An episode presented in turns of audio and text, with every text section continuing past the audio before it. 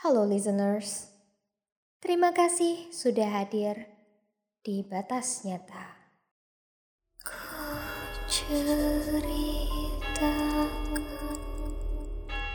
padamu kisah ini.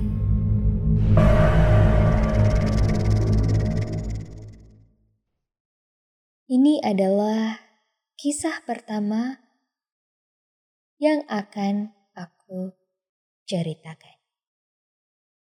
Sebelum kita mulai ceritanya, aku akan menginformasikan terlebih dahulu tokoh-tokoh yang ada di dalam cerita ini. Jadi, di dalam cerita ini ada Ara dan ibunya Ara. Cerita dimulai pada tahun 1998 pada saat Ara berusia lima tahun dan baru pindah dari Bogor ke Sukabumi, Jawa Barat.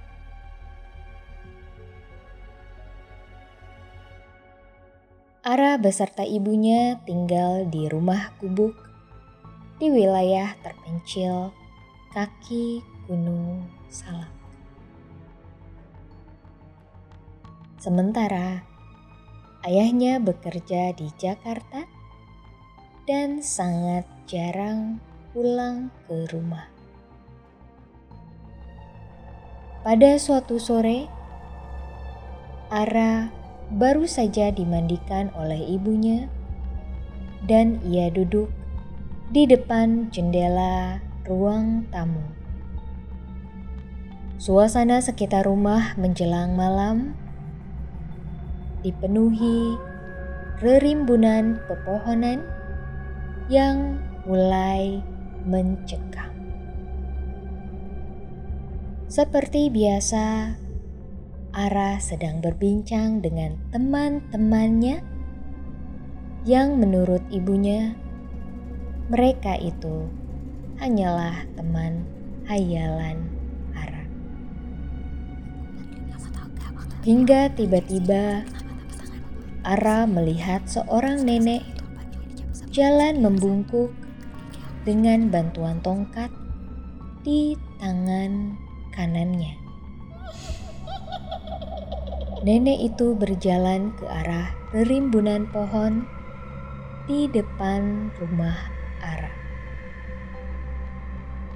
Ara berteriak, "Nenek, Mau ke mana, Nek?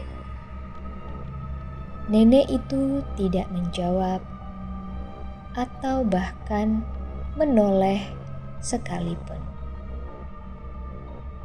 Ara mencoba untuk menyapa nenek itu lagi.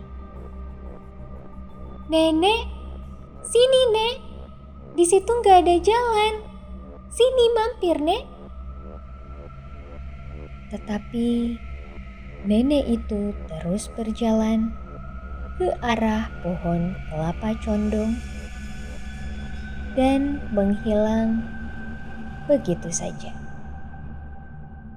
Sejak saat itu, Ara sering bermain di bawah pohon kelapa condong tersebut. Ara berpikir bahwa ia ingin mengeluarkan nenek itu dari dalam pohon kelapa. Sore hari menjelang malam, hari Kamis, minggu kedua bulan Mei, malam Jumat 18 Kliwon. Ara terus bermain di bawah pohon kelapa depan rumahnya dengan teman-teman hayalannya. Tiba-tiba, ibunya tampak panik dan berlari ke teras rumah untuk memanggil Aram masuk ke dalam rumah. Ara, ngapain kamu nak?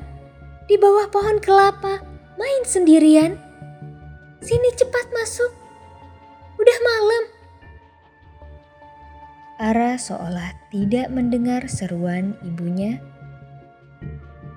Ara membenturkan kepalanya ke pohon kelapa beberapa kali dan mengeluarkan suara cekikikan.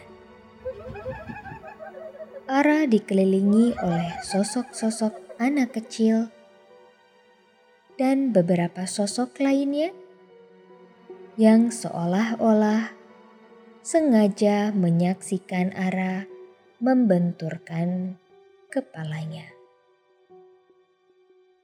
Ibunya berlari menghampiri Ara dan segera menggendong Ara masuk ke dalam rumah.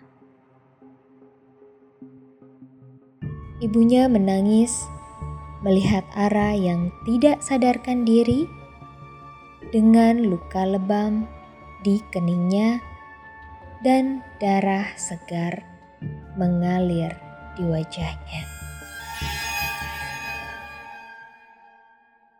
Bagaimana menurut kalian, listeners?